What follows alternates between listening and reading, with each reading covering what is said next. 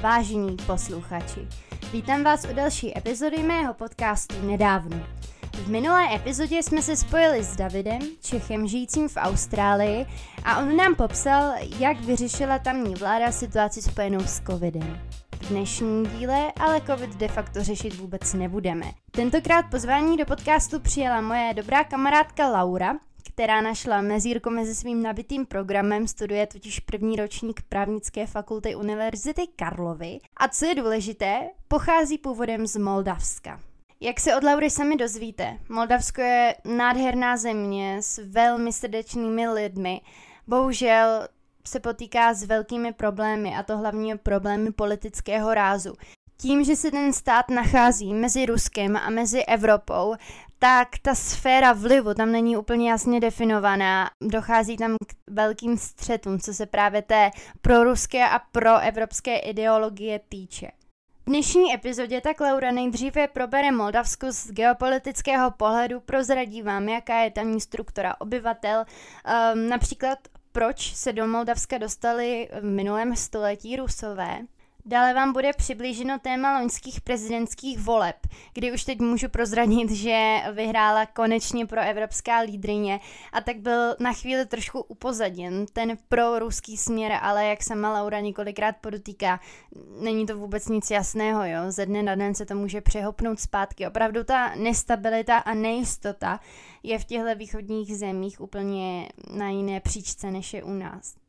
Víte třeba, kdo je Igor Dodon nebo Maja Sandu? Nebo slyšeli jste někdy o kauze, kdy jeden z tamních politických lídrů ukradl miliardu eur a odcestoval neznámo kam? Teď už ale předávám slovo Lauře a ještě jednou jí tímto moc krát děkuji, že byla ochotná a o Moldavsku, o své rodné milované zemi vám něco dneska poví. Pojďme na to. Moldavská republika se nachází mezi Rumunskem a Ukrajinou. Na Wikipedii najdete bohužel definici jako nejchudší země Evropy. Velký problém Moldavska je ten, že každý den odchází kolem stovky obyvatel s úmyslem, že se už nikdy nevrátí. Právě kvůli tomu, že jsou v Moldavsku horší ekonomické podmínky. Hlavně co se týče práce. Je tam málo práce, která je velice bídně odměněna přičemž ceny jsou porovnatelné jako tady v České republice. To, že odchází přes 100 lidí denně, je obrovským problémem. Na Wikipedii najdete, že v Moldavsku je kolem 4 miliony obyvatel. Avšak není to vůbec pravda. Já sama mám české a, a moldavské občanství, tudíž se do statistiky na Wikipedii rozhodně započítávám, jenže celý život žiju tady v Česku v podstatě od 6 let. A takových lidí, jako jsem já, je mnoho.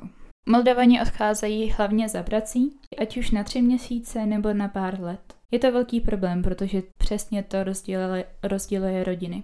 Já sama jsem se sestřičkou strávila dva roky s babičkou a s dědou v Moldávii, přičemž moji rodiče byli v České republice a vydělávali peníze a posílali nám je zpět. To je právě to, co drží moldavskou ekonomiku je to diaspora, moldavská diaspora, která posílá neustále peníze svým dětem a svým prarodičům, rodičům, jenom aby se tam vlastně nějakým způsobem lépe dalo vyžít. Bez takového příjmu téměř nejde, aby nějaká rodina v pořádku vyžila. Neznám skoro ani jednu rodinu, u které by minimálně jeden člen, nebo celá rodina byla pryč v zahraničí. Způsobuje to to, že chybí produktivní vrstva. Způsobuje to to, že ekonomika nešlape tak, jak má. Způsobuje to to, že se prohlubuje korupce, že se prohlubuje anarchie, že se nerozvíjí inf- infrastruktura, že se nerozvíjejí firmy.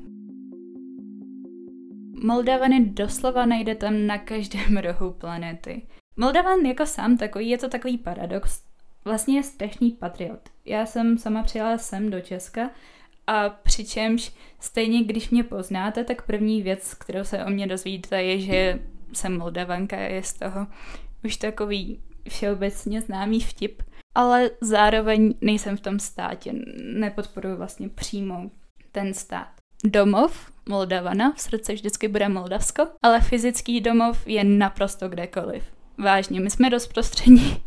Ať už v Americe nás nejdete, v Německu, ve Francii, Itálie je velice oblíbenou des- destinací právě kvůli tomu, že Moldavani cítí, že jsou k Italům, že, že Moldavani cítí, že k Italům mají mnohem blíž, co se týče kultury. Celkově Moldavani jsou uh, temperamentnější a poněkud emotivnější, drží se svých tradic, kultur, tradičních tanců, které tvoří velkou součást moldavské kultury a velké, velké hostiny bez standy. U nás se na Velikonoce například hoduje 8 hodin v kuse. Občas se dělají jako, že máte dvě patra vlastně by na tom stole. Nemáte jako jedno patro těch talířů. Tady je předkrm, hlavní chod, desert. Ale tam máte takový jako předkrm v úvozovkách jako na několik talířích, ne každý má vlastní porce, několik talířků. A pak se to stupně, pak máte jako masa, jako hlavní chod. A pak se teprve jede dezert. A takhle vlastně stolujete, povídáte si dlouhé, dlouhé hodiny, což je naprosto skvělý, protože to určitě víc stmeluje rodinu Další oblíbenou destinací je Rusko. Pro Moldavany je integrace uh, poměrně snadná v Rusku. Většina Moldavanů od malička už umí rusky.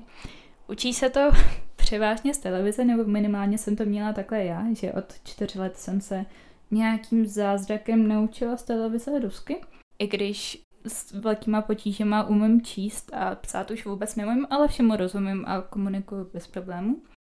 Je zajímavé, že Moldavani uh, poněkud Čechy vidí uh, jako chladný národ, asi to bude tím, že jen tak Čech se s váma na ulici nepopovídá, nebo nejsou jednoduše tak otevření jako Moldavné, přičemž když jedete do Moldavska, tak i přesto, že lidi tam toho mají tak málo, ty podmínky jsou vážně docela těžké na žití. Můžete se být jistí, že vás po každý pohostí přijmou s otevřenou náručí, přijmou vás téměř za svého Dostanete tolik jídla, že tady byste to dostali za tři dny.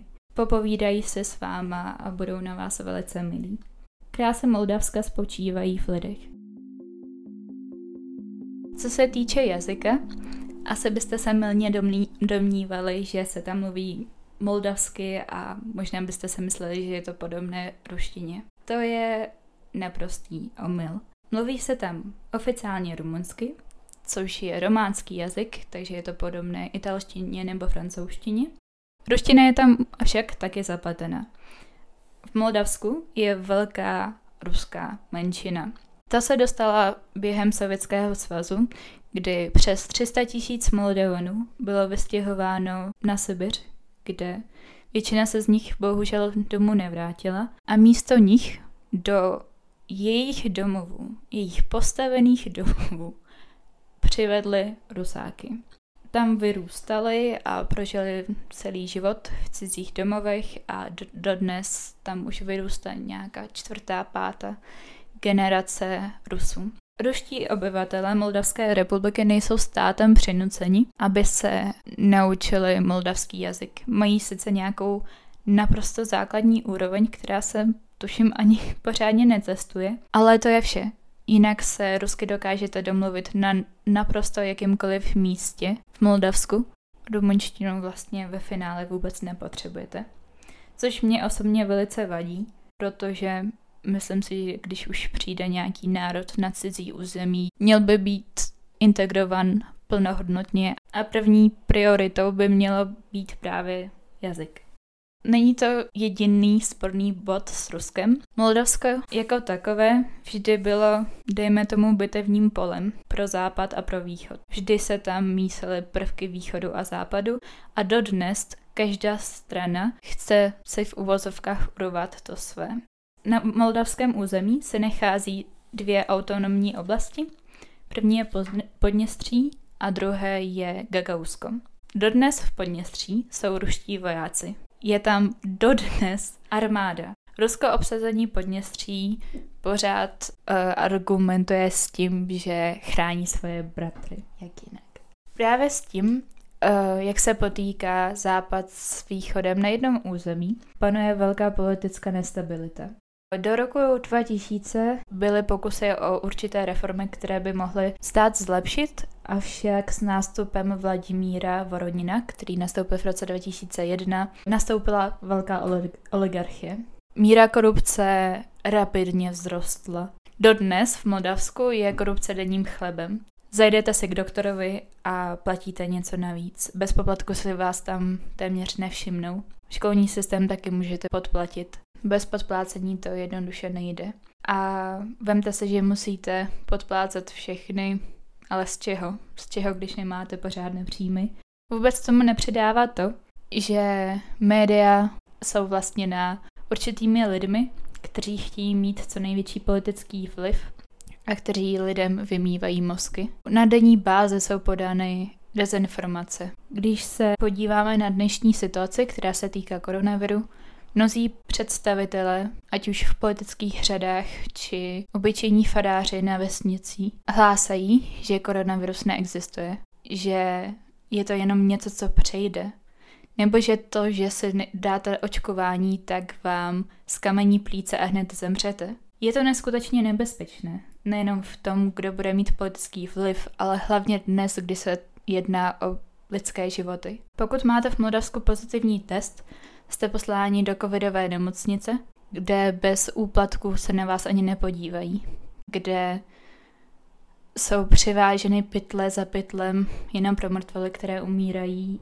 Nevládá tam vůbec spravedlivost, která by měla, hlavně když se jedná o lidské životy. Jeden z nejznámějších oligarchů, který proslavil Moldavsko, bohužel ve špatném světle, je Vladimír Plachatňuk. Zabýval se totiž praním špenavých peněz, konkrétně přes banky přes různé transakce. Tímto způsobem okradl stát o jednu miliardu eur. Vlastní vláda ho vyhnala z Moldavské republiky. Byl vydán na něho zatykač. Utekl do Ameriky, kde ho Amerika bohužel nevydala. Byly velké komplikace s vydáváním. Dále byl naposledy zaznamenán v Turecku a v poslední době se vůbec neví, kde je. Jak to vypadá s politickou scénou v Moldavsku? Od roku 2016 nastoupil do funkce prezident, který se jmenuje Igor Dodon. Měl pod palcem média, šířil dezinformace, propagoval vlastní stranu. Je proruský. Je velice podporovaný Putinem. Scházel se s ním poměrně často. V roce 2016, eh, kdy byly prezidentské volby, se utkal proti Maja Sandu, kterou bohužel porazil. Čtyři roky vládnul, čtyři roky byl u funkce. Během těch čtyř let odešlo více lidí než dříve. Během těch čtyř let se podmínky čím dál, tím víc zhoršovaly. Sociální propasti se prohlubovaly. V roce 2020 se uskutečnily další prezidentské volby. Opět se v ní setkali Igor Dodon a Maja Sandu. Maja Sandu je pro evropská lídrině politické strany AKUM, což v překladu znamená teď. Jejím hlavním cílem je vymícení korupce a také vyhnání jakékoliv armády na moldavském území. Naštěstí v roce 2020 Maja Sandu vyhrála. Vyhrála konečně pro Evropská strana. Vzhledem k tomu, že je Moldavská republika parlamentní republikou, se to může zdát jako nevýznamný krok, avšak je tomu naopak. Je to projev národa, že chce změnu. Asi se ptáte, proč tedy se nezvolili rovnou pro evropské zástupce? Proč tedy pořád mířili na východ? Moldavská mentalita je hodně podobná té ruské. Je spojená hodně samozřejmě se sovětským svazem, je spojená jednoduše s jinými hodnotami. Dnes to vypadá tak, že ministři podali demisi, tudíž není vytvořená vláda. Je prozatímní vláda, ve které jsou pořád lidi od Dodona. Lidi od Dodona a celkově Dodon sám velice a cíleně poskvrně Maju Sandu. Říká o ní, jak je homosexuální. To v Moldavsku je opravdu velké tabu a je to docela nepřijatelné šíří naprosté dezinformace a chce jí maximálně poškodit a odstranit z politiky. Tudíž dnes to vypadá tak, že se bijou stále Igor Dodon a Maja Sandu, stále sebe Evropa a Rusko, nejenom území v jednom politickém systému. Občas se to sklopí na jednou stranu a občas na druhou. Nikdo neví, jak to dopadne. Je potřeba udělat nové parlamentní volby. Poslední parlamentní volby se konaly v roce 2019, další se mají konat v roce 2023, což je velice pozdě. K tomu, aby byly nové, tak musí lidi vyjít do ulic. Nikdo neví, jak to dopadne. Situace je každým dnem více a více intenzivnější. Nikdo nemá jistotu. To je asi na tom to nejhorší. Nikdo neví, co se stane. Nikdo neví, jaký bude zítřek pozítří. Tím bych se dostala ráda k volbám. Volby bohužel nejsou plně transparentní v Moldavsku. Nevždy, ale často se stává, že se kupují hlasy ať už za nějaký letáček nebo vyloženě přímé podplácení. Dělá se občas to, že se vezme skupina lidí do autobusu, přivede se na volební místo, tam je vlastně donutí při, přijmout nějakou volbu. Takhle to dělá právě Igor Donon nebo pro ruští zastupitelé. Dělá se taky to, že na určitých pozicích, dokonce mám známé na policii, kteří byli donuceni svým zaměstnavatelem, aby volili za Igora Dodona, aby volili pro ruské zastupitele. A kdyby to neučinili, tak by je vyhodili z práci. Takže si představte, že máte volbu buď se zvolit vlastní politickou svobodu, anebo přijít o vůbec nějaký příjem. Podobně to funguje s protestama. Pokud se koná nějaký protest, který vznikne svobodně, dobrovolně, koná se taky občas protiprotest, netuším, jak to jinak říct, eh, kdy výjdou podporovatelé druhé strany, většinou právě té proruské, a říkají, jak pro ruskou stranu podporují, podporují Igora Dodona a podobně. Ale přitom jsou různé reportáže, kde bylo právě potvrzeno, že se těch lidí jenom zeptali, Oni ani netušili, co tam dělali. Oni jenom řekli, no já jsem tady dostal uh, 50 lej, což je v přepočtu například 80 korun, 90. A vyšel jsem na ulici, ale vlastně vůbec nevím, proč protestuju. Jak je vidět, transparentní volby nejsou vůbec samozřejmostí. Kvůli vašemu politickému projevu můžete přijít o práci, můžete být podplaceni, můžete se bát o vlastní bezpečnost. V Moldavsku jsou taky i političtí vězni. Proto si myslím, že je velice důležité si vážit transparentních voleb, kde vůbec jsou, a využít každé možnosti voleb, jak to jen jde. Stát jsou lidi a lidi si určí, koho si zvolí za svou reprezentaci. Ačkoliv je Moldavsko plná problémů, anarchie a korupce, je to stále velice krásná země nejen kvůli své přírodě, jídlu, tradicím, ale hlavně kvůli lidem, protože vždy to ve finále budou lidi, kteří tvoří ten stát. Doufám, že moldavské obyvatelstvo čeká lepší zítřky, že se tam neznítí žádná válka. Doufám, že Moldavsko nebude obsazené žádnou zemí. Víme, na koho mířím. A doufám, že budou mít možnost se do ní co nejčastěji eh, vracet a doufám, že alespoň někteří lidi budou mít vůbec touhu do ní také jet a podívat se a jenom se udělat alespoň krátký výlet za úžasným moldavským jídlem. Mulțumesc foarte mult pentru atenție. Děkuji za pozornost. Tohle je z dnešní epizody mého podcastu nedávno už úplně všechno. Já doufám, že se vám díl líbil a že jste si třeba zapamatovali něco nového právě o Moldavsku. Je pravděpodobné, že jste vlastně vůbec neměli tucha před poslechem téhle epizody, co se jenom necelých 15 kilometrů od našich hranic může dít. To nevadí. Důležité je, že jste věnovali svůj čas a tu problematiku si vyslechli. Já jsem vám za váš čas opravdu moc vděčná, věřte mi a budu moc ráda, když mě budete poslouchat dál a když, jestli se vám můj podcast líbí, ho doporučíte třeba svým přátelům nebo známým. Těším se na vás zase příští středu u nějaké kapitoly z aktuálního dění či z moderní historie. Naslyšenou.